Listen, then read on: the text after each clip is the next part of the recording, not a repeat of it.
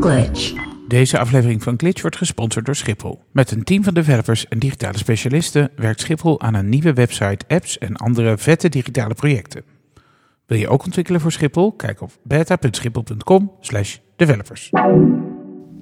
Kom Stijn, je moet echt dichter op je microfoon gaan zitten. Zo dicht. Heel Zeker. Nog dichter. erin. Moet ik hem gewoon opeten? Ja. Pro- Probeer maar. Probeer je nou, David? Ja. Probeer maar, zeg ik. Zullen we dan maar? Oké.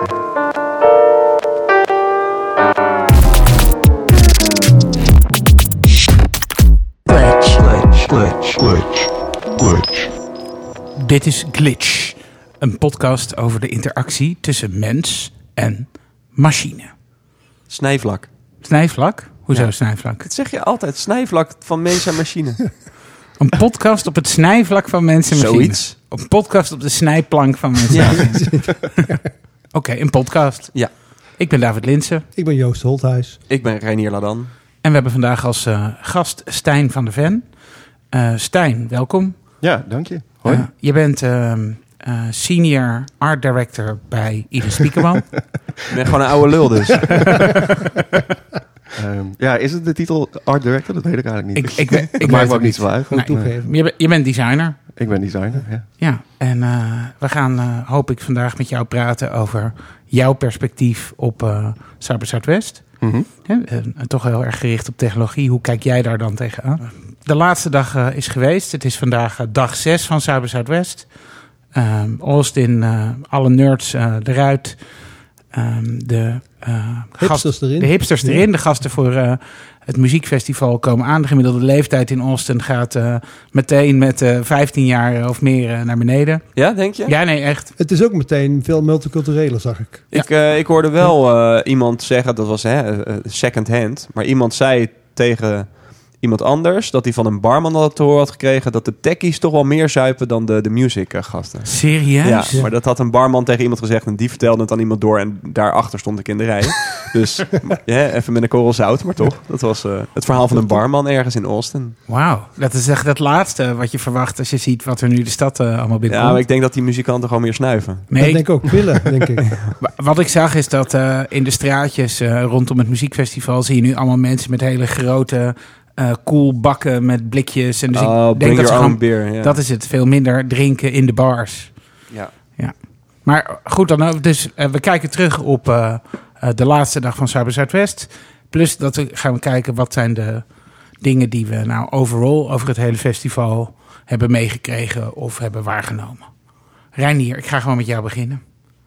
Zullen we niet gewoon eerst dag 5 doen? Ja, hoe was Ja, jouw dag 5? Oh, mijn dag 5. wat was je hoogtepunt van dag 5? Eh, mijn hoogtepunt, even kijken hoor. Ik heb ehm, het praatje dat heette Iron Man Interfaces Next Generation UI, or UX, staat er tussen haakjes achter. Waarom dat er nou weer bij moet, weet ik niet. Maar dat ging over augmented reality. Ehm, en dat was mijn hoogtepunt wel van die dag. Waarom? Van, van dag 5. Ja, omdat ehm, het was in tweeën gesplitst. Ehm, deel 1 van het praatje was een, een gozer die, die werkt in de filmindustrie. En hij ontwerpt interfaces in films. En, eh, Voor de nep. ja, nep, ja. En dat, dat gebeurt eigenlijk altijd in films. Eh, want er op Windows en op Mac OS X eh, interfaces zit gewoon copyright. En studio's willen vaak alles helemaal zelf in, de, in de hand houden. Dus ook eh, alle, alle rechten hebben over films. Niet dat ze over vijf jaar weer moeten onderhandelen met Apple... om die interface in die film te mogen Ik, gebruiken. ik moet altijd zo lachen als Ja, ik... eh, daarom ziet het er af en toe ook belachelijk uit. Ja. Maar wat zei hij nou? Hij zei... ehm, hij, eh, hij, hij zit dus eigenlijk niet in de user experience business, maar in de audience experience business. Want het gaat natuurlijk niet om of het echt bruikbaar is, maar of het publiek er wat mee kan. Wat er gebeurt op, in de film. Wat zijn toch ook gebruikers dan? Nee. Zie je het verschil? Nee, dat is toch anders. Ja, de, de impact in een film van een interface is anders dan een dagelijks gebruikte app. Tuurlijk. En hij- ja. Hij heeft bijvoorbeeld gewerkt aan Iron Man. Nou ja, daar zit zo'n holo-display in zijn eh, masker. En dat is ook wel een grappig verhaal, zei hij. Eh, want het was eerst helemaal niet bedacht voor die film. Maar ze vonden het toch wel jammer dat eh Steven... Nee, hoe heet hij? Downing Jr.? Robert, Robert, Downey Jr. eh, dat hij eigenlijk zo weinig in de film te zien zou zijn. Omdat hij dat masker de hele tijd op zijn hoofd Ja. had. En dat is een beetje zonde van eh, zo dat dure, dure acteur. mooie gezichtje.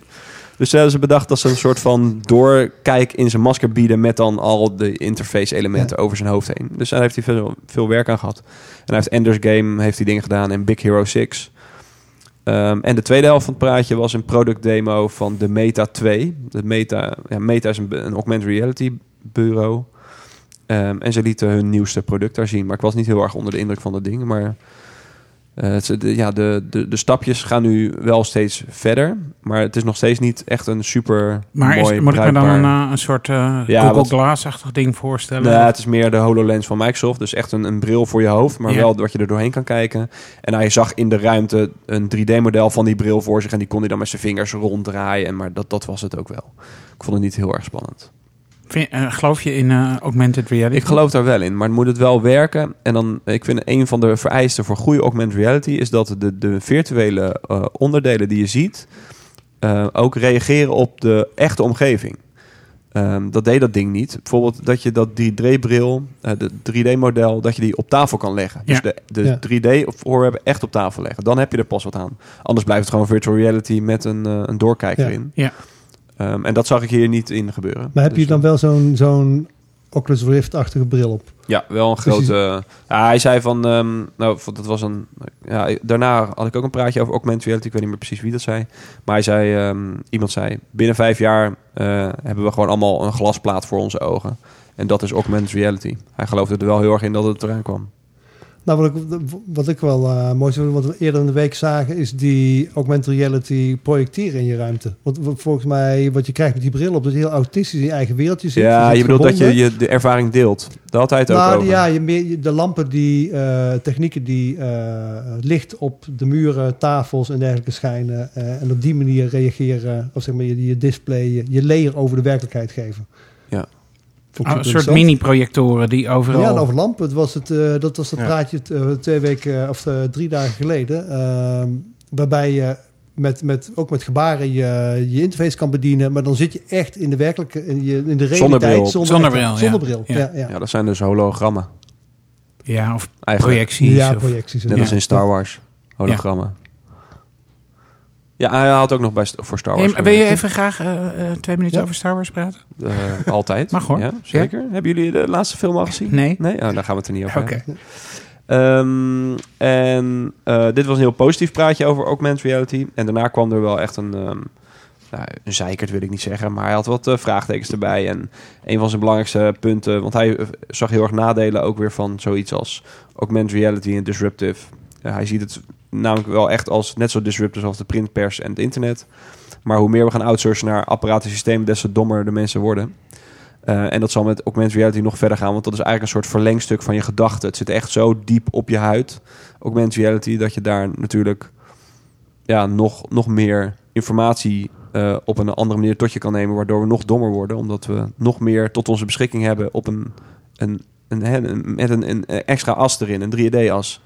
Dus dat, Ik ja. zou ook zeggen dat ik eh, dat augmented reality disruptive was als ik al mijn spaargeld erin had zitten. Ja. Ik weet niet, weet niet of dat zo is. Wat vind jij, Stijn? Geloof je in augmented reality? Eh, nee, want volgens mij moet je gelijk naar, naar de virtual reality. Augmented reality is een soort raar tussending waar je niet zoveel mee kan, denk ik. Nou, weet ik niet. Dat is moeilijk hoor. Augmented reality is veel moeilijker om voor elkaar te krijgen dan virtual reality. Virtual reality is gewoon een afgesloten wereld. En augmented Ja. reality is de virtuele wereld in de echte wereld. Oh, dus ik, ik ja, zie het wel na- naast elkaar bestaan. Wat, heb je, wat zijn de, eh, heb je eh, ook mooie inhoudelijke toepassingen gezien? Nee, ze hadden het wel over wat kon je leren dan van eh, uit de, hoe, hoe- hoe die voor films heeft ontworpen.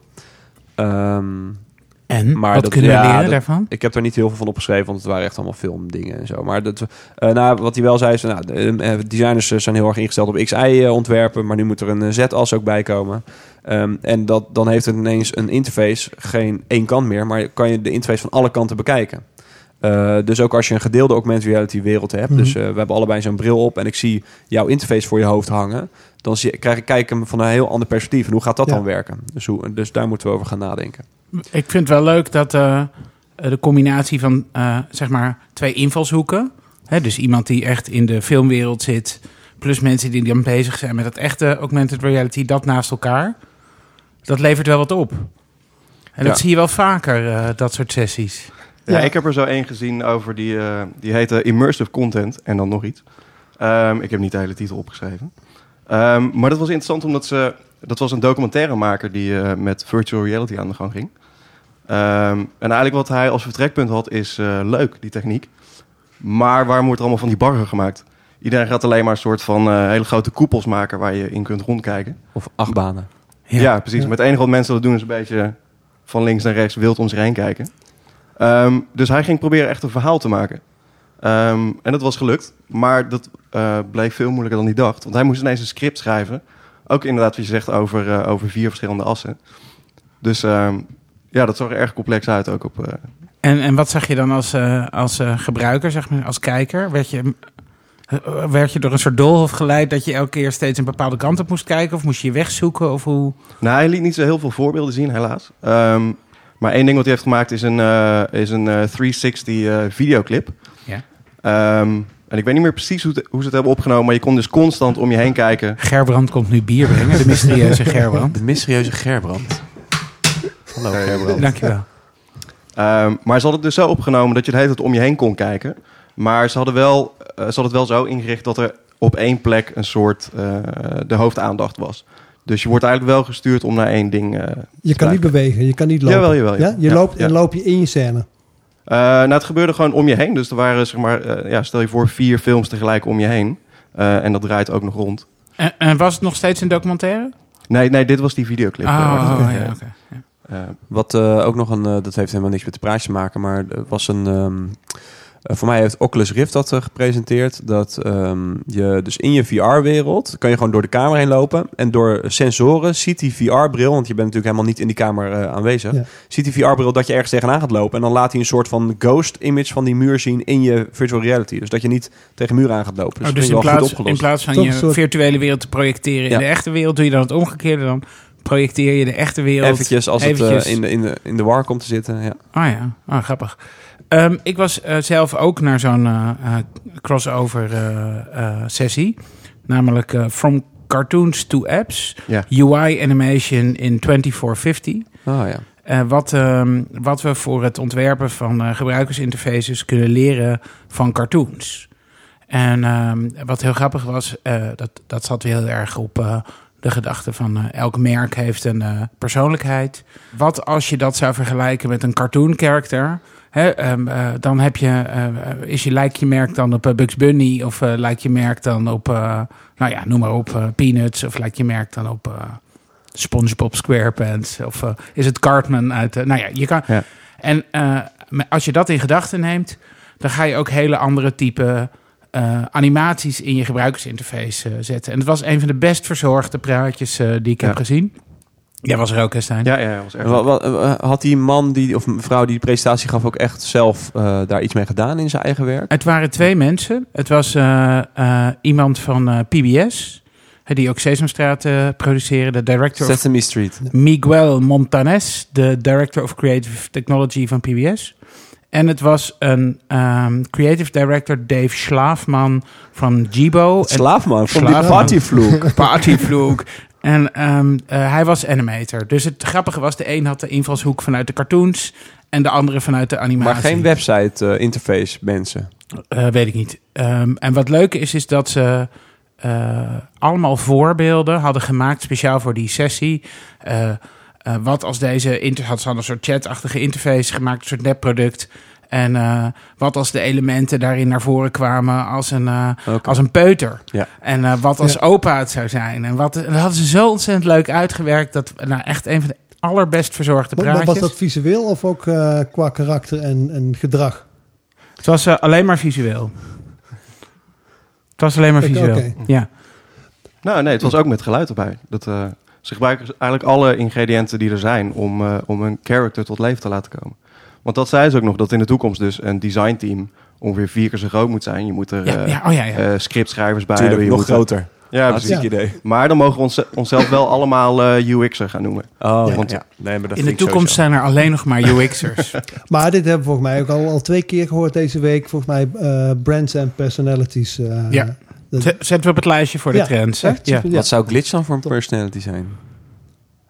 Iron Man. Ah, Mr. Robot. Mr. Robot. ja, natuurlijk. Ja. Ehm, eh, nou, en wat ik heel erg. Ik vond dus heel leuk dat eh, in dat team van de toekomst. eh, dat er ook allemaal echt. dat je veel meer aan, aan merken hebben scriptschrijvers nodig. Want Ja. je moet. Zo'n personality moet je, ont, on- moet je eigenlijk net als een filmpersonage of een, of een, een theaterpersonage. Moet je dat schrijven en koesteren. Dan moet je bijna net zoveel eh, bij kunnen voorstellen als bij Don Draper. Of, eh, dus dat vond ik heel, eh, heel mooi inzicht. En, maar het betekent ook dat eh, de hoeveelheid merken die zich dat kan permitteren om daar zoveel tegenaan te gooien, wordt ook minder. Hè? Dus eh, het wordt zo duur om het goed te doen. Dat, eh, ja, dat moet of je mensen moeten het gewoon doen. Ja, dat, dat is al een eerste stap. Gewoon proberen het eens. Want heel veel merken proberen het niet eens. Nee, dat is waar. Dus is ook gewoon doen. Dat, is wel, dat vind ik wel leuk. eh, eh, een beetje een afgeleide daarvan is eh, Slack. Die hebben al ehm, eh, speciale creatieve copywriters in dienst. Alleen al om hun release notes te schrijven. Weet je? Dus daar proberen ze ook Ja. al een soort persoonlijkheid. En nu is het nog plat. Dus, of plat niet in de zin van niet leuk. Maar plat in de zin van nog niet heel, erg, heel erg uitgewerkt. Of heel erg.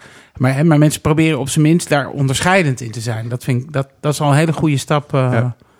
Ja. Ik heb er nog zo een eh, eh, gezien die ook ging over... Oké, wat als dadelijk alles werkt? Ehm, wat voegen we dan nog aan toe? Hoe brengen we het nog verder? En dat was van een van de designers van Airbnb. En die zei, why empathy is not enough. Ehm, en wat hij eigenlijk zegt is, nu zijn er heel veel eh, eh, apps en diensten... die allemaal gaan over on-demand en eh, convenience en automation... Sorry, het was allemaal in het Engels natuurlijk. Geeft niet. Ehm, Eh, onze luisteraars begrijpen dat wel. oh, Oké, oh, dat is mooi. Je hebt van die goede luisteraars. Ja, heel goed. Ehm, maar dan missen we nog iets. Als straks alles soepel, vlekkeloos loopt, dan... hij vergeleken met die mannetjes in, in Wally, Ja. die, die, in die zweefstoeltjes. Ehm, en dan missen we nog iets. En, en wat we vooral missen is eh, ruimte voor eh, toevalligheden. Er kan niks meer misgaan. Alles is voorgekouden. Eh, je, je hoeft niet meer na te denken. Je hebt geen zelfreflectie daar- meer. daar komt- saai als je niet uitkijkt. Ja, maar Ja. daar komt Ja. die, die, die personaliteit toch, de identiteit van je merk toch vandaan. Ik bedoel, eh, volgens mij heb je hetzelfde met, eh, met UX. Je kan puur naar de gebruiker kijken en dat perfect eh, invullen. En dan krijg je een soort eh, commodity oplossing die voor elk merk Ja. hetzelfde zou zijn. Je Ja. moet je onderscheidend vermogen halen uit je uit de dialoog, jouw karakter. En dan denk je, ja, dat kan vanuit cartoons komen, dat kan je vanuit eh, dialoog doen. Voor mij is dat, eh, voor mij is daar een enorme toekomst in. Ja, ja, ja. Eindelijk mag er weer een beetje creativiteit eh Ja, precies. ik, ik denk zelfs in die... Je kan scriptschrijvers in, in, inhuren om, eh, om karakter te maken, maar dat houdt natuurlijk op. Uiteindelijk wil je dat kunnen automatiseren. En eh, ik, ik denk dat gi- gisteren had Wacht, ik... wacht. Ho, ho, ho. Uiteindelijk wil je dat kunnen automatiseren? Ik denk dat je uiteindelijk eh, op iedere vraag een antwoord wil kunnen geven in het karakter van degene die je beschreven hebt. Ja, dat kan je niet vooruit je Een soort, een voorwaardensysteem. Ja. De con- Wat? conversational UI heb je het over. De Bijvoorbeeld. ja. vraag-antwoord, eh, ja. Nou, dat kwam, wat, wat, wat gisteren, eh, de- term die ik twee keer gehoord heb, is eh, social intelligence. Eh, en volgens mij komt dat, gaat dat deze kant op. Dat is de next step van artificial intelligence, die je vertaalt naar menselijke eigenschappen. Eh, dat kan je nu doen eh, door een, eh, te interpreteren, zeg maar, gedrag van, van, van de gebruiker te interpreteren, daar op een Mhm. menselijke manier op te reageren. En ik denk dat het kunst zit om daar dan weer karakter aan te geven. Ja, en, Ja. en wat, wat zeiden ze dan in die sessie? Nou, in de sessie van, dat was een sessie van eh, ehm, The Secrets of Machine Learning Revealed. Dat Ja. was een, een professor over augment, nee, wat was het? Eh, Artificial Intelligence. Heeft een van de hoge prijzen wist er alles van. Heeft even de, de stand van zaken uitgelegd als een soort college. De verschillende stromingen die daarin spelen. Hoe Google, eh, eh, de Google zelfdrijvende auto gebruik maakt van, van deze artificial intelligence. De, eh, de Airbnb eh, eh, ranking systemen. En wat hij zei, want we zitten nu echt op een kantelmoment waarbij je niet alleen de rekenkracht van de machines, maar ook de manier waarop wij nu patronen ontdekken in, eh, in data, dat het zo hard gaat dat we binnen een hele korte tijd hier enorme eh, slagen kunnen maken. Dus we kunnen echt het menselijke gedrag makkelijker kopiëren eh, in, de, ja, in algoritmes. We hebben een tweede te pakken. hè? Die hebben we ook vaker gehoord afgelopen week. Nou, in, bij de self-driving car van Precies. eh, George Hotz Precies. had hij het ook over eh, machine learning. Ja. En vooral hoe hij dat heeft gebruikt. En het is gewoon heel goed open source eh, speel voor te vinden om dat zelf te doen.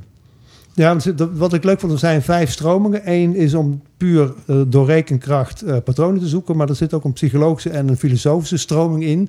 En die haakt heel erg in hoe mensen zich gedragen, inclusief de fouten die je maakt en de, ge- de gebreken. En proberen dat te kopiëren in, eh, in intelligentie en algoritmes. Maar goed, weet je, eh, dat duurt misschien nog eh, tien jaar voordat iedereen daar eh, mee aan de slag kan. Ehm, ik zou, nu het, al, kan ik zou nu het al al. heel wat vinden als merken gewoon eh, een beetje een persoonlijkheid adopteren. Ja. En de goede Ja. copywriters inhuren. En een beetje, hè, want dat kan je morgen doen. Daar hoef je niet te wachten Ja. tot er technologie voor is. Ja. En wordt een product al heel veel prettiger van. Ja. Oké. Eh, en dat gezegd hebben, gaan we even eh, naar onze eerste sponsorbreak. Glitch. Deze aflevering van Glitch wordt gesponsord door Schiphol.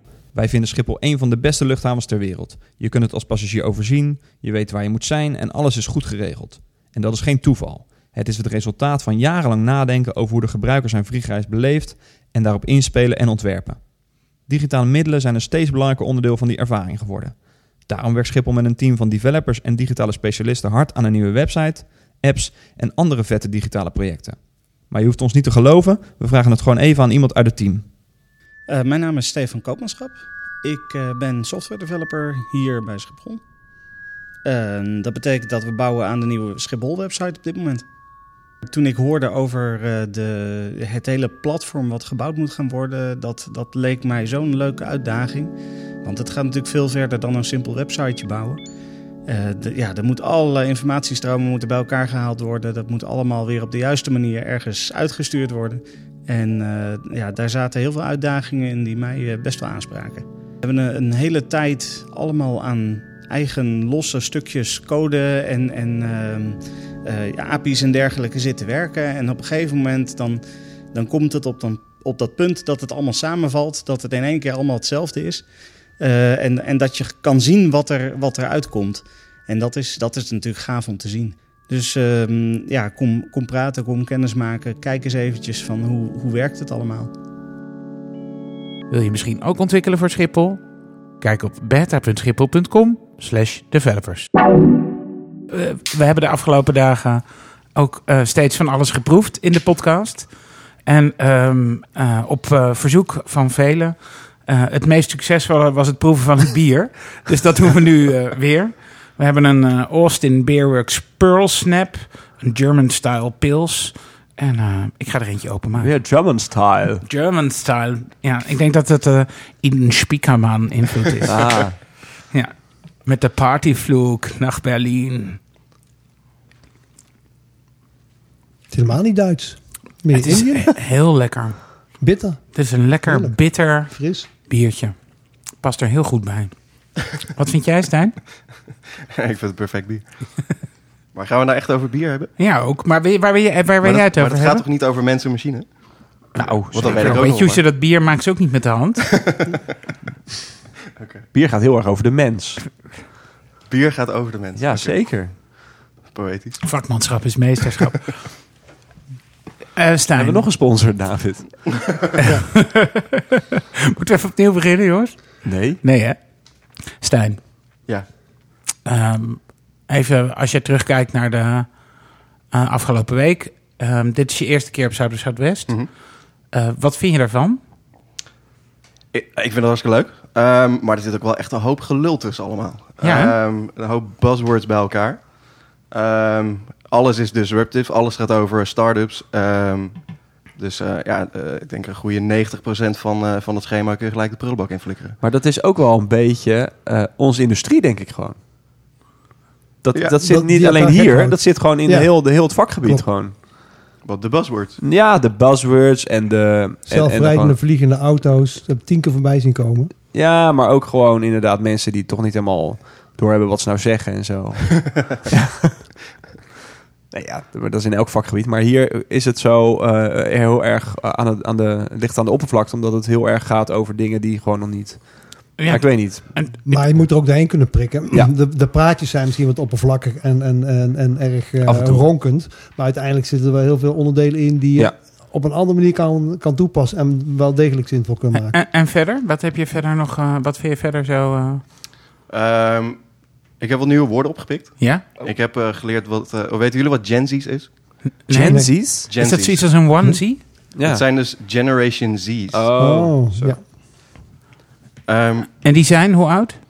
ja, dat varieert. Dat is niet helemaal eh, precies gedefinieerd, maar het is ongeveer 15 tot 25. En, eh, en Die die, gaan, laat maar raden, die gaan alles anders doen. ja, ja, ja, die doen alles beter dan wij natuurlijk. Dat, eh, Heb Ja. je ook gehoord dat Maar generaties hoe dan? Nee, vertel, eens even, vertel eens even, want ik vind het wel interessant. Wat gaan de Gen Z's dan allemaal anders doen? Nou, wat er, wat er wel leuk aan is dat er nu een generatie aankomt die eh, bijvoorbeeld heel anders over eh, eh, gender eh, denkt. Eh, een ander nieuw woord wat ik heb geleerd is gender fluidity. Ehm, en dat is dus zeg maar de ene dag eh, wat mannelijk eh, eh, verschijnen en de andere weer dag wat Tony. Ja, Tony van het Pompstation. Ja. ja. Heb jij die al gezien, Stijn? Ja, ja, ja. Die, Tony. Die, die keek me ook heel eng aan toen. eh, Zeker, toen als je het over hebt. laten Tony is niet fluïde.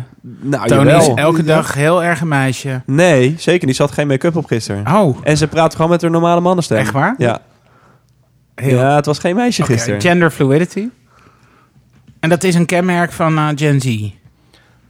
Ja, ja eh, gender is blijkbaar geen issue meer in, eh, in die generatie. Maar jij gaf als voorbeeld eh, in een gesprekje van de week dat de zoon van Will Smith, die is dat heel erg of zo, hè? Ja, dat pikte ik ergens op Facebook. Ja. Dat, eh, en toevallig diezelfde dag ging naar die lezing. Dus die verkleedt zich af en toe een beetje vrouwelijk. En dan- ja, ja, ze staat geloof ik ook op billboards en, en in alle, allerlei Oké. modecampagnes.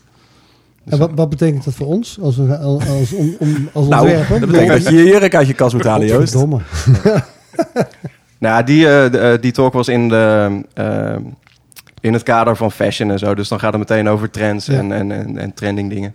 Ehm, dat gaat verder niet over de koppeling tussen mensen en machine. Nou, maar je mag het wel over hebben hoor. Ah, yes. Het, zat wel in de interactive eh, gedeelte van, eh Ja. van, van, de, van Southwest. Dus Ja. het heeft ergens een plekje. Nou, ja. En een andere die er bijvoorbeeld helemaal niks mee te maken heeft is... eh, Comic Sans exist for a reason. Heel ja, dat leuk. was ik ook. Ja. Ja, ja, die, was, die was erg leuk. Eh, maar ook niet meer dan dat eigenlijk. En waarom bestaat Comic Sans dan? Want Renier is namelijk niet verder gekomen dan vertellen over die sessie dat hij hem heel erg leuk vond. Ehm, Misschien kan jij... Ik, ja, ik, ik weet hem nog wel. ja, jij kan goed uitleggen waarom. Nou ja, Comic Sans is er, omdat ehm, volgens mij was er een soort helpfunctie. Een soort clippy was Ja. er in het oude Windows.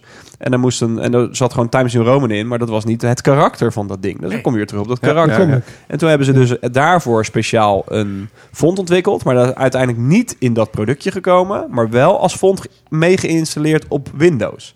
En dat is vervolgens misbruikt door allerlei bedrijfjes en moeders met allemaal aanplakbiljetten en nou ja, de hele wereld verder. En, en zijn is iets nergens, waarom eh, moeders dan eigenlijk zo graag daarvoor kiezen? Nou, het is wel een- of... Nou, het is een onderscheidend font. En mensen vinden het wel een leuk font. Die zien de, de harm er niet in. Gezellig. En, Gezellig. en- Maar- nou, het is, maar nu, want ik vind heel, kun jij als eh, designer uitleggen waarom eh, heel veel designers echt zo eh, giftig worden als ze Comic Sans zien? Of, Nou ja, het is inderdaad wel het font eh, you- love to hate, zeg maar. Ehm, eh, dus daar ga ik nu niet volle bak aan meedoen. Maar je Eh, hebt hem nog nooit gebruikt in professioneel werk. Nee, nog natuurlijk nooit. Nee, nee. We hebben ooit wel een keer voor de grap eh, bedacht... eh, eh, laten we iets verzinnen waardoor, hem goed, eh, waardoor hij goed tot zijn recht komt. Maar dat was Kan niet. niet. Nee, nee, dat kan niet. Dat is het, het is niet te doen. het enige waar je ermee wegkomt is, eh, is als grote letters boven, boven de boek, eh, kinderboekenwinkel. Mhm. Eh, Ja, maar dan het nog. Nee, dat kan ook niet. Of de Nee, tekstballonnen. Ja. Ja, ook Ja. niet zelfs. Nee. Nee, je veel fonts Oké, maar dus in die end, het bestaat voor een reden. En dat Ja. is... Nou, de reden in ieder geval dat hij heel vaak nee, maar dus niet de, niet de letterlijke reden, want de ontstaansgeschiedenis snappen we. Maar. Nee, hij zei ook inderdaad dat het wel fijn is dat het er is. Ja. Nou, wat hij zei, eh, waarom die heel vaak gekozen wordt uiteindelijk, of waarom mensen hem gebruiken, is omdat ze hem willen inzetten voor, eh, voor die briefjes boven de, boven de afwasbak. Eh, bij je collega's, eh, please clean your fucking dishes. En om dat toch een beetje vriendelijk te maken, kies je het leukste lettertje uit de hele lijst. En dan lijkt het nog wat. Passive aggressive. Dat is het Precies. meeste scriptletter wat je kan, wat je, kan gebruiken. Dus het wordt inderdaad die, het wordt meer een, een menselijke letter dan een willekeurig andere schreefloze. Ja, Maar- volgens mij wel. is het niet heel fijn? Want het heeft een soort. Het is een soort eh undesign. Hè? Het is een soort van. Het, het, het, in het spectrum van iets wat mooi ontworpen is en niet ontworpen, is het vooral niet ontworpen. Het is gewoon. eh, ja. Ja, maar je Is dat niet heel fijn dat er heel veel dingen zijn die niet ontworpen zijn? eh, ja, Zodat bijvoorbeeld jouw werk er mooi naast afsteekt. Ja, eh. dat was ook wel een beetje onderdeel van het praatje. Ja, nou, hij sloot inderdaad af met... eh, met eh, eh, je kent wel die typisch Amerikaanse eh, filmpjes van zo'n local businessman... die zichzelf in de commercial zet. Eh, ontzettend lelijk en ontzettend slecht. Eh, maar hij pikte er dus één man uit die dat heel opzettelijk doet. Want hij zegt... ehm, hij had zo'n, wat was het, een soort pawnshop of zo. Ja, ja, volgens mij wel. Je kon En, eh, goud eh, bij hem eh, inwisselen. En hij zei, ik moet dit gewoon heel lelijk maken. Want anders, ik, ik moet juist een beetje de, de, de, de lagere sociale klasse hebben. Eh, die lopen mijn winkel in. Dus dan ga ik niet allemaal hele mooie eh, flitsende commercials maken. Ja, dat hoor je vaak.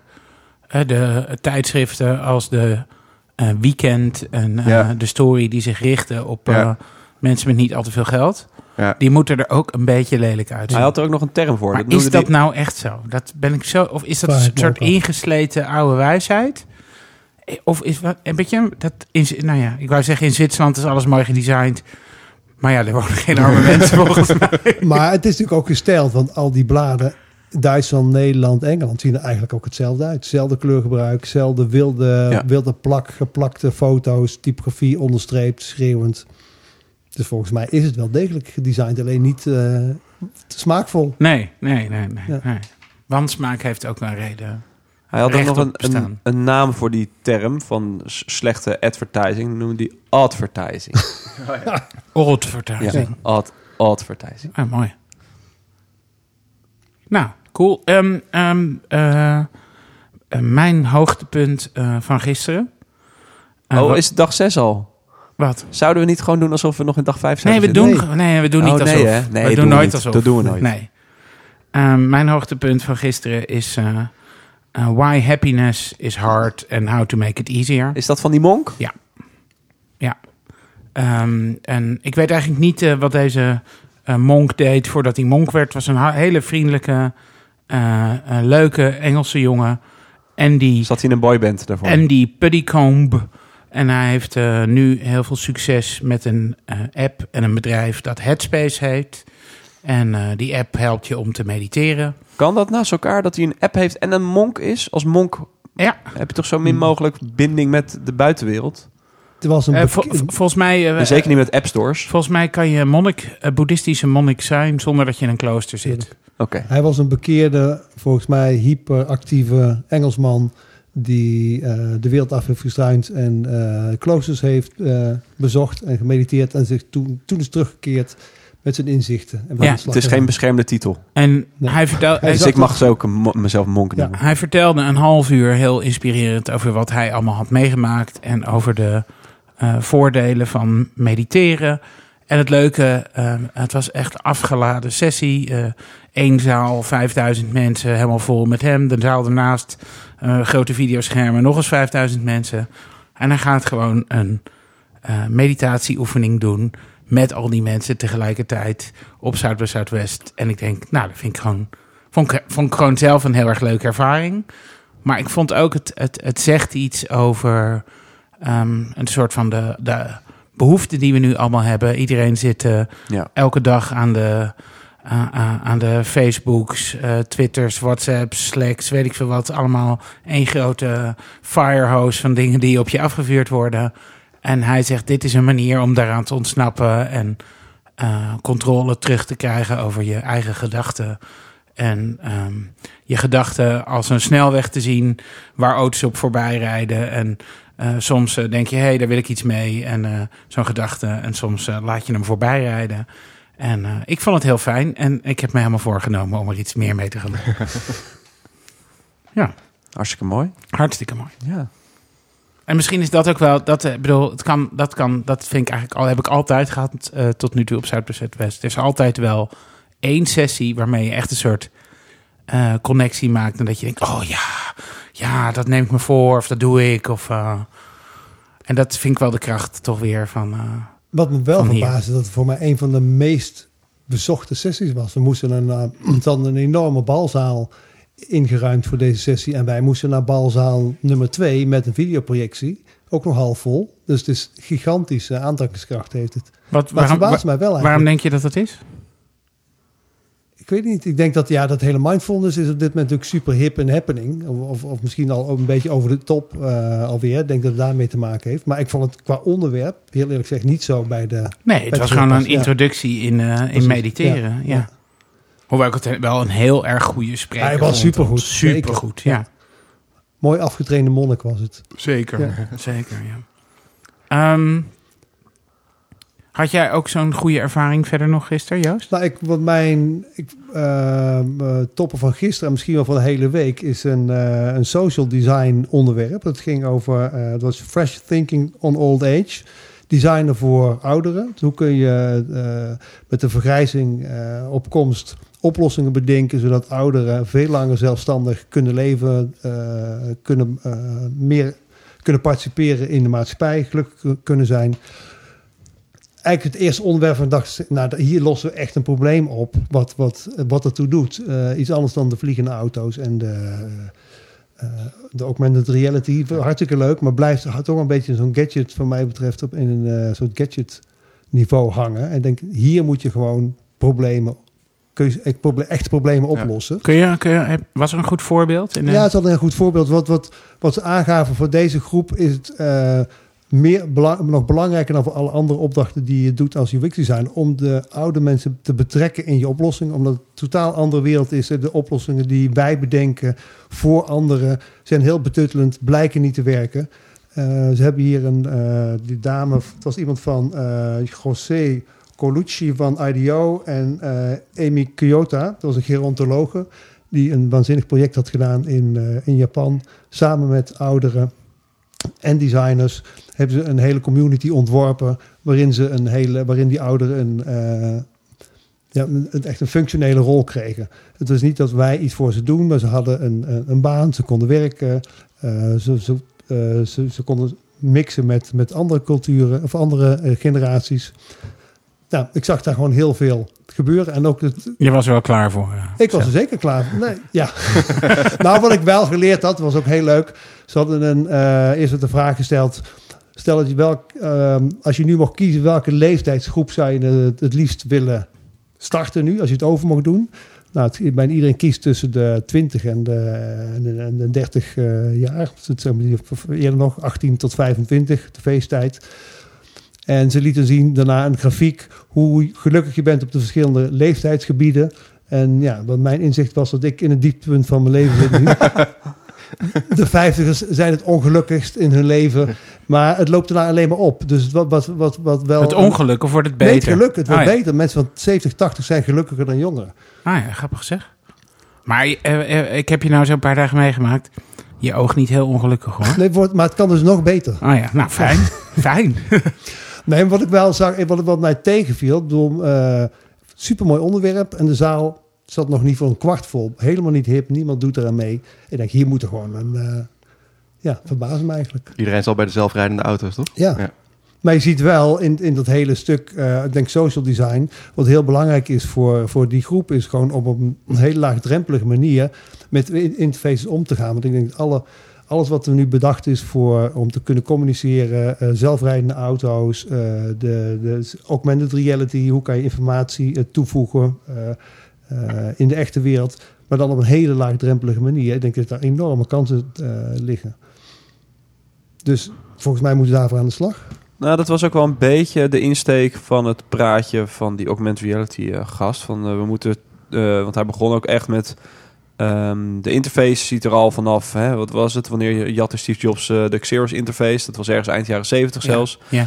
Eh, sinds die tijd is er niks meer veranderd eigenlijk in interfaces. Maar die, dat Ehm, heb ik ook al drie keer gehoord. Ja, heb ik ook drie Ja. keer gehoord, ja. Ja. Het gaat allemaal over gestures. Het gaat over de, de, de sociale interactie, herkennen wat je gedrag is, daar op een natuurlijke manier mee reageren. En ik denk dat juist voor die oude doelgroep dat super relevant is. En verbaast me eigenlijk dat met al die slimme koppen bij elkaar er nog niemand een oplossing heeft gemaakt. Wat we juist voor deze, deze doelgroep relevant kan zijn. Eh, eh, het lijkt wel als je... eh, ik weet dat we eerder in de week gingen we naar die sessie eh, van die meneer die op zoek was naar allerhande nieuwe interfaces. Weet je nog? Ja. Ehm, als je die man koppelt aan de problemen van deze Ja. oudere groepen, dan... Perfect. ja, Dus soms, soms denk je wel eens, nou, eh, het puzzelstukje eh, voor, eh, om het probleem op te lossen en het probleem wat echt, die kun je zo bij elkaar brengen. Ik hier. zag heel veel puzzelstukken bij elkaar komen. Want natuurlijk die, die, die zelfrijdende auto's, dat, die artificial intelligence.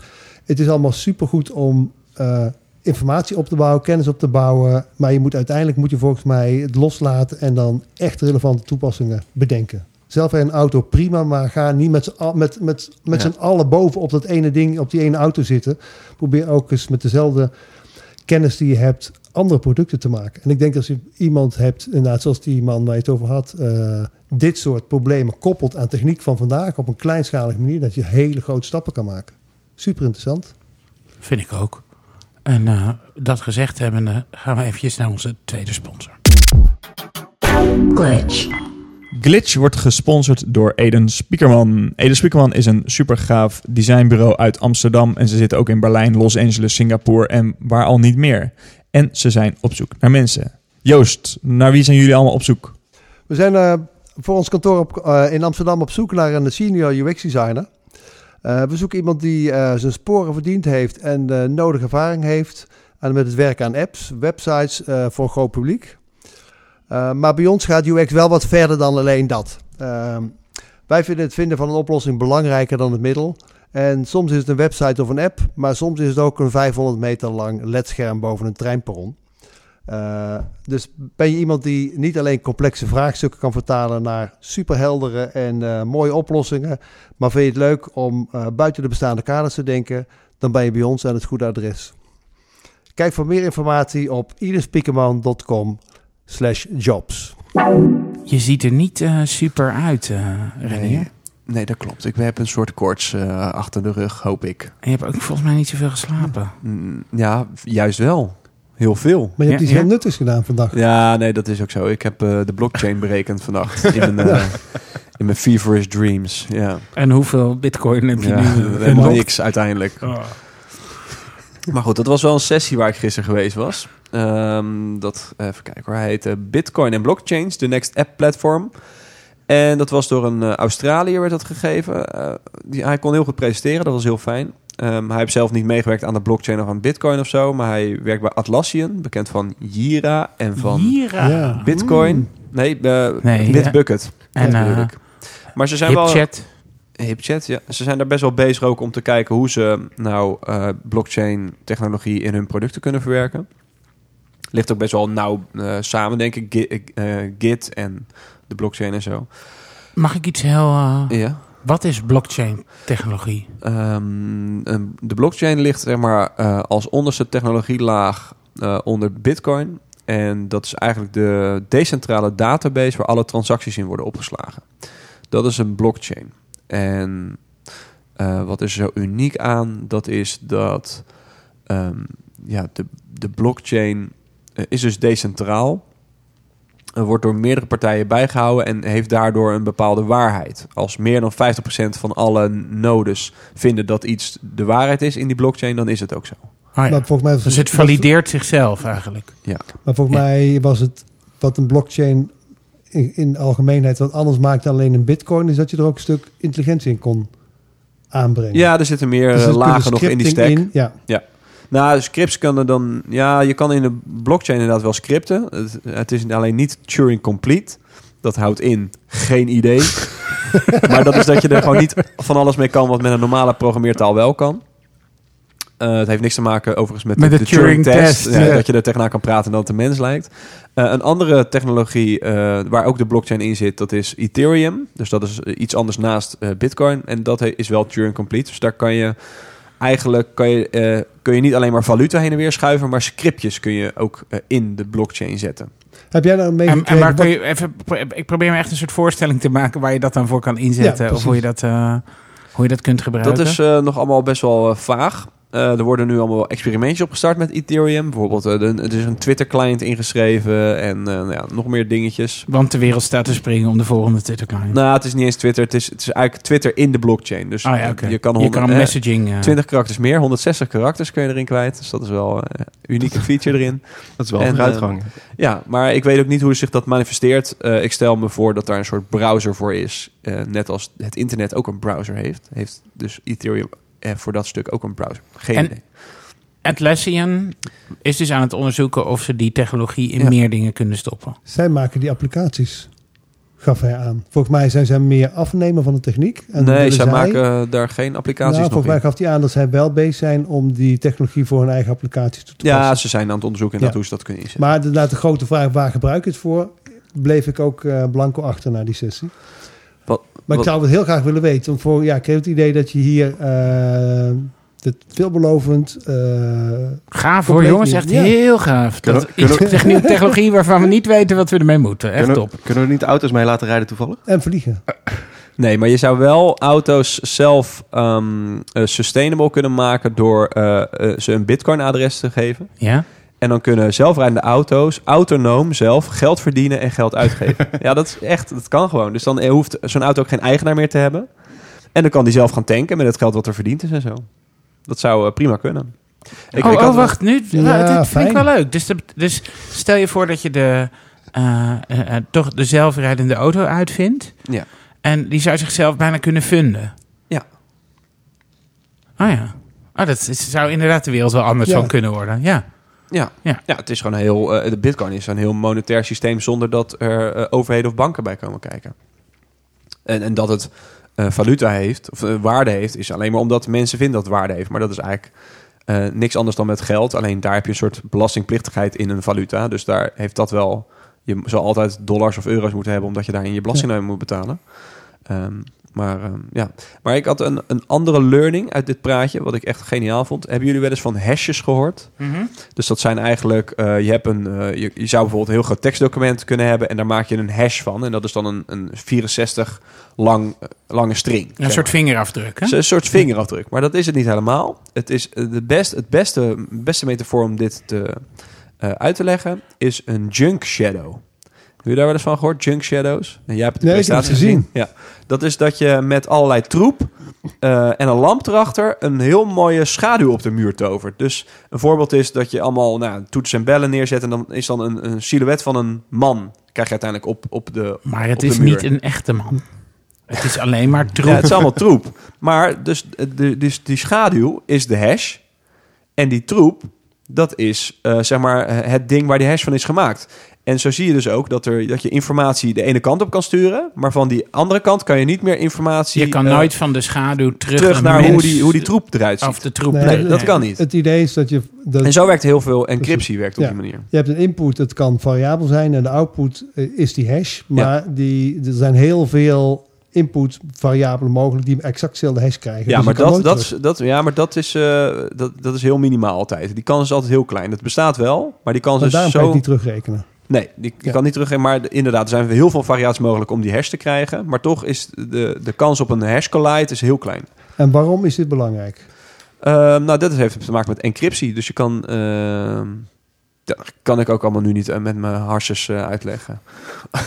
maar er worden hashes gebruikt in. Bitcoin. Maar dit Ja, wordt, let erop, luisteraars. Dit wordt het helemaal. Ja, Nee, maar eh, je Bitcoin-adres is ook een hash, bijvoorbeeld. Ja. Ja. En alle transacties hebben een hash. En, nou, je public key, waarbij je, eh, je, je inlogt op je Bitcoin-wallet, is een hash. Oké.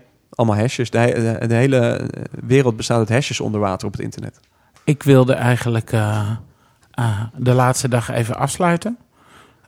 Maar ik wil nog wel even van, van jullie weten... zijn jullie gisteren ergens nog boos weggelopen? Ja. Waar dan? Ehm, it's not about an iPhone, fixing the encryption mess. Ik had de dag daarvoor, daar heb ik het niet over gehad, maar wel geweest, eh, een goede sessie gezien. Een goed panel over eh, het hele encryptiedebat, wat nu gevoerd wordt ehm, Best wel omdat actueel. Apple, ja, Apple eh, eh, een fitty heeft met de FBI. Mhm. Ehm, en er was nu weer een panel over. Het was in een grote zaal. Ik denk, nou, dat wordt knallen. Ik zag ook dat Werner Vogels kwam. Nou, die zat er niet. Dus dat was een foutje in het schema. Ehm, eh, en, eh, maar het- ja, ze waren het allemaal wel een beetje met elkaar eens. Het was een beetje lafjes allemaal. Het was ook iemand van CNBC die het eh, allemaal voorzat. Dus het was allemaal heel gelikt aan Amerikaans eigenlijk. Terwijl de dag ervoor had je gewoon echt een, een best wel een, ehm, een bruske kerel, een oud government figuur, die gewoon heel erg pro-FBI was in dit verhaal. Dus daar kreeg je nog best wel wat. en ook wel echt, ik kreeg de neiging om gewoon dingen naar zijn hoofd toe te schreeuwen en een schoen te gooien. Maar dat heb ik niet gedaan. Anders kom ik het land ook niet meer uit. Maar ehm, ja, dat was, dat was wat interessanter dan dit panel. Dus ik ben weggelopen. Het was ook weer koud daar. Het was overal koud. Je bent gewoon ziek, jongen. ja. Ehm, bruggetje. Ik, eh, eh, want jij zegt dat eh, het was mooi in die eerste sessie dat er contrast was of controverse. Of, een van mijn belangrijkste soort van learnings of opmerkingen is dat ik vind dat eh, de kritiek eh, eh, en het tegengeluid nog wel eens ontbreekt. Hè, dus ik vind dat ehm, iedereen super lief. Dus iemand kan met een geruste hart, zou ik zeggen, 45 minuten flauwekul. en dan zijn er toch weinig mensen die opstaan in zo'n zaal naar die microfoon toe lopen en roepen: Ja. This is utter bullshit. en soms zou ik dat wel willen. Ja. Het, soms zou ik eh, iets meer willen dat er ook. En, en, en ook niet dat na elke vraag eh, iemand zegt: Oh, that's a great question. Terwijl de vraag alleen maar vreselijke eh, zelfpromotie is van iemand. eh. Hè, dus het, een beetje meer strijd en een beetje meer. Is dat niet. Amerikaans? Of Ja, weet ik niet. Volgens mij ligt het aan, aan de selectie van de onderwerpen. Ik denk, je hebt allemaal believers in de zaal. Dus je krijgt, iedereen vindt het awesome en fantastisch. Eh, maar je zou een paar, volgens mij zouden ze volgend jaar een, een aantal onderwerpen moeten pakken die gewoon lijnrecht staan. Iemand die gewoon hartstikke tegen die vliegende auto's, Ja. tegen eh, eh, de artificial intelligence. Gewoon een compleet ander geluid. En ik denk dat je dan wel meer, eh, en dan wel natuurlijk een pakkende titel om iedereen die zaal in te krijgen. Ja. Maar dan heb je veel interessantere eh, discussies. Het zou ook helpen als meer eh, eh, talks zijn ingesteld op een soort eh, visie of mening. En niet per se een soort plaatje van, nou, volgens mij gaat het ongeveer dit worden. Maar Maar dat iemand die gewoon stelling neemt. Ja, precies. Ja. Ja. Want zoals we net even zeg maar, blockchain en, en, en zelfrijdende auto bij elkaar verzinnen. Zo heb ik het idee dat er hier ook Ja. veel dingen gewoon... Oké, er zit, in het, zit nog een klein gat in het programma. We doen iets met dat onderwerp en met dat. En dan gaan we erop praten hoe dat ongeveer kan worden. Ja, dat heeft volgens mij ook te maken met het feit dat eh, natuurlijk heel veel talks ingediend worden Ja. eh, bijna een half jaar van tevoren voordat het is. En die moeten zich dan op een beschrijvingje en een titel Ja. moeten ze Ja. zich genoeg profileren om het programma Ja. te halen. Ja. Dus daar komt heel veel van die soort van oh ja, laten we iets doen met, met dit en dat. En dan kijken we wel hoe we het invullen als we het eh, als we mogen komen. Ja, ja, maar er zijn maar weinig talks die dus beginnen met ik vind dat. Ja. Dat vind ik wel... Dat, dat, Ja, dat zou, zou is wel echt wel zou fijn zijn, hè? Ja, Ja, ja, ja. vind maar ik het ook. moet voor mij een mooie mix zijn. Ik vond die paar lectures van gisteren dat, eh, over artificial intelligence en die eh, blockchains. Prima dat die ertussen zitten. Die geven je gewoon een heel snel inzicht eh, waar de wereld staat. En dan afwisselen met goede case en, en, en pittige stellingen. Ik denk dat, dat eh, die panels moeten ook wat, eh, wat ruiger. Dat zijn allemaal panelleden die elkaar aardig vinden. Oké, nou we gaan een brief schrijven naar de organisatie. Tweede eh, punt wat ik terugblikkend zelf een beetje heb, is dat ik vind dat er een soort digital divide is. Een, een term die ze vroeger wel gebruikten tussen generaties, hè, de digital natives en de- iedereen die met een computer opgegroeid was en zij die dat niet waren. En ik zie nu eigenlijk een soort eh, eh, scheiding tussen eh, bedrijven of instellingen die het snappen. Hoe je met al deze nieuwe middelen en technologie omgaat. En zij die het niet snappen. En ook zag ik dat in de praatjes terug. Er zijn praatjes die zich richten op het bekeren van mensen in de oude wereld. Ja. En er zijn praatjes die zich richten op mensen die al in de nieuwe wereld zitten en, de, en, ja, ja. en verder helpen. Maar die scheiding tussen die twee werelden wordt steeds groter. En een goed voorbeeld eh, daarvan eh, vond ik het vreselijke praatje van Brian Solis, wat ik gisteren zag. Die toch eh, partij open deuren intrapte. Waarbij iedereen die de moeite neemt eh, om naar Austin te vliegen of eh, auto te rijden. Nou, dat heb ik ook vaak. Je mag aannemen dat hij dat ook even serieus Ja. genomen. Ja. Ja, en, eh, maar hij staat daar weer eh, eh, ronkend zijn boek te promoten. Alsof hij het allemaal zelf verzonnen en bedacht heeft. En dat vond ik echt, eh, nou, walgelijk. Ja. Echt. Gênant. Ja, echt gênant. Ja. Gênant. En ook, maar de- je ziet dus, want ik zat een beetje in die zaal te kijken. En eh, heel veel mensen met laptops. Eh, maar dat waren allemaal Windows laptops. Dus ik weet niet of je daar dan iets aan kunt Oh, afleiden. Oké, en dan ehm, eh, mijn laatste opmerking is dat ik vind dat eh, ehm, er wel wat meer absurde creativiteit terug mag in het programma. Wat meer arty-farty eh, Ja. dingen. Ja, wat meer gewoon eh, wilde, rare. Singularity dingen. Ja. Nou, eh, nee, maar dat, ja, nou ja, gewoon eh, waar zijn de. eh, iemand die, weet ik, ik vond ik vorig jaar was er nog een hele hal met allemaal rare robotjes die onnuttige dingen deden. En het moet allemaal zo productief zijn. Het moet ze ergens toe leiden. Het moet liefst geld verdienen. Het moet zijn nut bewijzen. En volgens mij is toch een beetje de oorsprong van dit festival ook dat je eh, bijna verkleed door de stad gaat, helemaal in lichtjes gehuld. Of dat je. Het, het, zit natuurlijk veel dichter bij gewoon rare dingen doen. En ehm, je kun, we kunnen zoveel leuke, rare dingen doen met die technologie. En bijvoorbeeld, eh, ehm, eh, een van mijn favoriete mensen op het internet is iemand die eh, Twitter-bots maakt, die eh, gebruik maakt van data. Dus eh, bijvoorbeeld ergens eh, een foto vandaan trekt en daar dan geheel automatisch een rare kop bij genereert. Of twee nieuwsheadlines met elkaar combineert tot iets nieuws. En die maakt echt gebruik van hele slimme, geautomatiseerde taaltechnologie. om gewoon totaal onnuttige dingen te doen. En, en dat heb ik een beetje nodig. Ja, dat is, vind ik, dat, dat moet gewoon, nou ja, ik wil dat gewoon, dat is eigenlijk waar ik voor kom. En dat krijg ik nu te weinig. Was dat voorgaande jaren wel? Nou ja, denk ik Op wel. die wel robothal meer. na dan vorig nou, jaar? ja, wel meer. Ja. Meer dan nu. Ik denk dat eh onder druk eh, van eh, de sponsors en eh, het pleasen van al die marketeers die komen en de IBM's en de Accentures, dat er toch wel meer van dat soort rubbish in het programma zit en minder gewoon eh, lekkere waanzin. Ja. Ja. Maar misschien is dat ook gewoon omdat ik hier vier keer achter elkaar ben geweest en het, het me minder verrast. Maar hoe zie jij dat, Stijn? Want jij komt hier voor het eerst en volgens mij hou je ook wel altijd van een beetje rare dingen. Eh, ja, maar ik, ik heb er dus niet zo heel veel gezien in het programma, eerlijk gezegd. Eh, ik heb er eentje, eh, daar wil ik heen, omdat ik de titel wel echt geweldig vond. Ehm, ik zoek hem even op. Ondertussen. Toss your Ja, phone ja. off a bridge and start living. En dat was dus gepresenteerd door een man die een eh, eh, eh, artisanal... ehm, hoe spreek je dat uit? Ja, Artisanal? artisanal puntenslijper. Yes, Ja. die. Nou, geweldig. Die man heeft dus echt een, een, een, een winkel vol met potloden. Die kan ook oreren over potloden. Eh, en dat, goed, maar ik was dus net iets te laat, dus ik heb de kern van zijn verhaal eh, gemist. Maar ik vond het heel verfrissend om daar gewoon in een heel klein zaaltje stond, eh, te staan. Maar die staat met een heel groot kapmes en potlood te, te slijpen. Nee, daar heeft hij allemaal hele goede puntenslijpers voor. Oh, dat ik. wel. Ja. Ja, ik dacht artisanal is Met handwerk. de hand. Ja, met de hand. Ja. Dus ik zie hem al met zo'n groot zwaard. Ja, misschien kan ik dat ook. Ja. Maar ik vond, ja, ik vond het wel heel... eh, eh, ik vond het wel verfrissend. Nou ja, dat waren mijn. eh, ik bedoel, ik wil een beetje wegblijven van. eh, arti- k- kunstmatige in- intelligentie eh, wordt het helemaal. Dat moeten jullie maar doen. Maar dit waren mijn eh, observaties van uh, Dat is niet tegen te houden, David. Nee. Je kan het wel tegen proberen Ik wil het helemaal niet tegenhouden, maar ik heb geen zin om het te gaan zitten promoten. Hoeft ook niet. Wat, eh, eh, wat, het wat waren jouw eh, overal observaties eh, over de afgelopen Zuid-Zuidwest? Joost. Artificial intelligence. Nee. nou, nou, toch, eh, toch wel. Ik ben daar wel. eh, ik ben daar super groot. Doe maar, doe maar. Ja, kom maar op.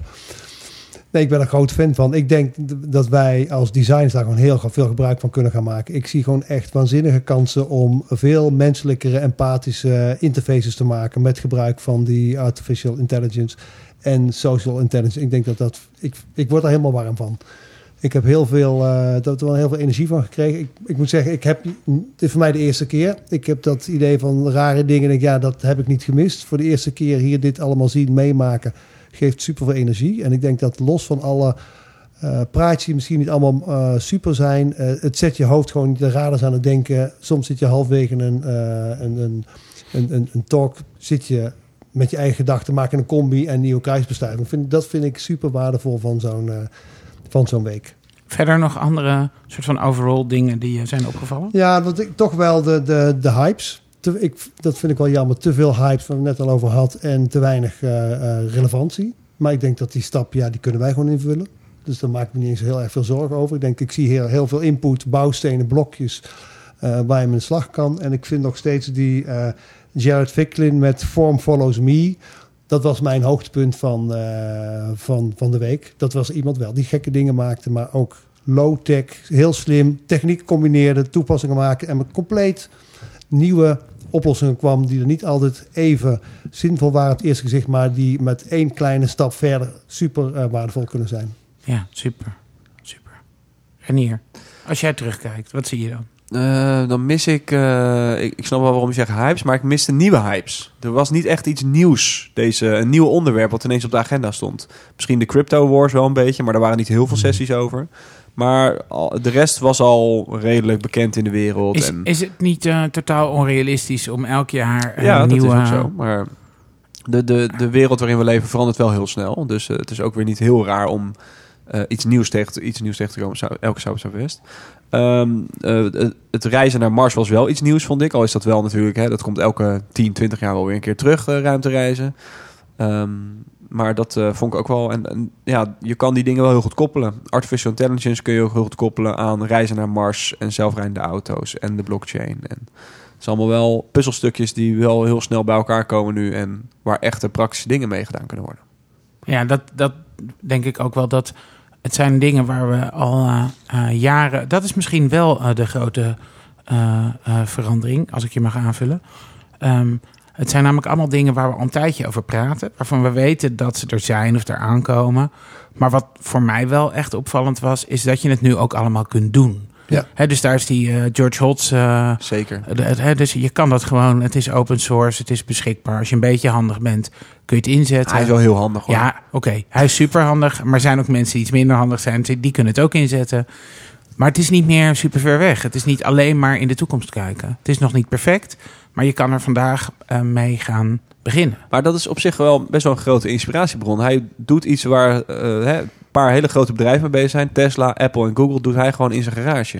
En dat had ik eh, wel een beetje verloren misschien de laatste paar jaar. Dat, dat ik dacht van nou echt grote innovatie zit bij grote bedrijven. En dat lukt je niet in je, hè, om daarmee te, te concurreren in je garage. Maar, Maar het lukt hem wel wel. gewoon. Ja. Door middel van open source software en hoe laagdrempelig sommige technieken zijn geworden. En gewoon een auto waarin je dus lekker kan hacken. eh, omdat, die, eh, omdat de gaspedalen niet meer mechanisch zijn. En de stuur ook niet eens meer mechanisch. Dat is allemaal computergedreven. Maar, eh, Heb de- je je garage al leeggeruimd om eh, zelf Nee, aan een ik- project ik te heb geen beginnen? garage. daar.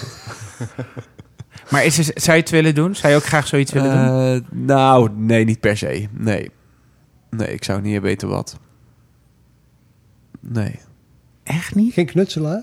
Nee, ik ben niet zo'n knutselaar. Ga je nee, niet- ik, ga je niet je- hadden we toch een paar afleveringen geleden. Ik, ik maak alleen maar schuurtje dingen kapot. ruimte, ruimte zonde bouwen.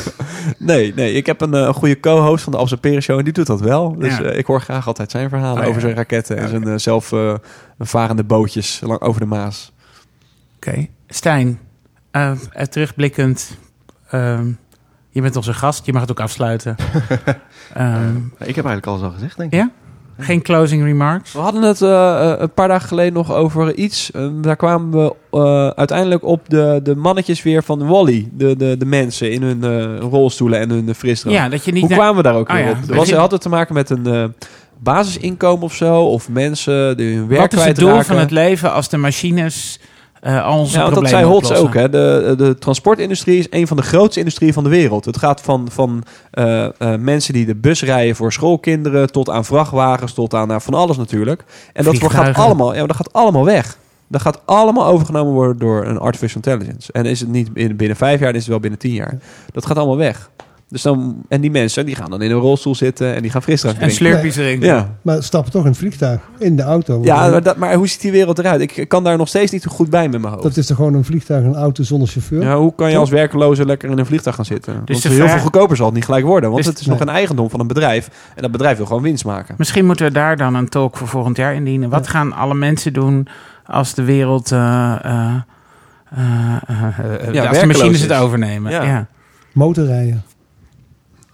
Ja. jij.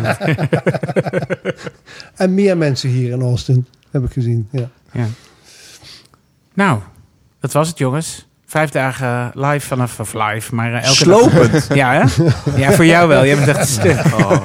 Ik vond het heel leuk. Ik heb weer eh, bergen vol energie en eh, super zin om allemaal Ja, wat ik hier gezien heb te gaan doen. Door mijn koorts heen heb ik ook wel energie ja, gekregen. ja, en dat is denk ik het beste denk ik waarmee we kunnen afsluiten. Want dat is volgens mij de grote gemene deler van wat ik hier bij iedereen zie.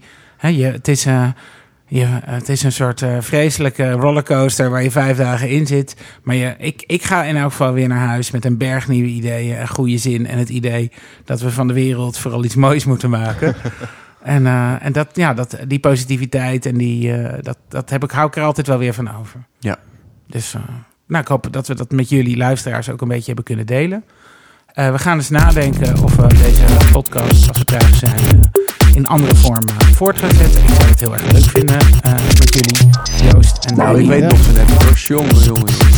Daar gaan we eens even over nadenken. Dat horen jullie wel van ons. En, eh, dit was eh, eh, Glitch. Eh, Glitch wordt gemaakt door Jert Holthuis, Renier Ladan en David Linsen. Onze muziek is gemaakt door de piraten van Big Orange Music. En ons gelikte cover artwork is gemaakt door Linda Tetro van Speakerman. We bedanken graag onze sponsors van deze aflevering en deze reeks. Schiphol, en daar heb je ze weer, Speakerman. Allebei super leuke plekken om te werken. En de vacatures staan nog steeds open. Dus ga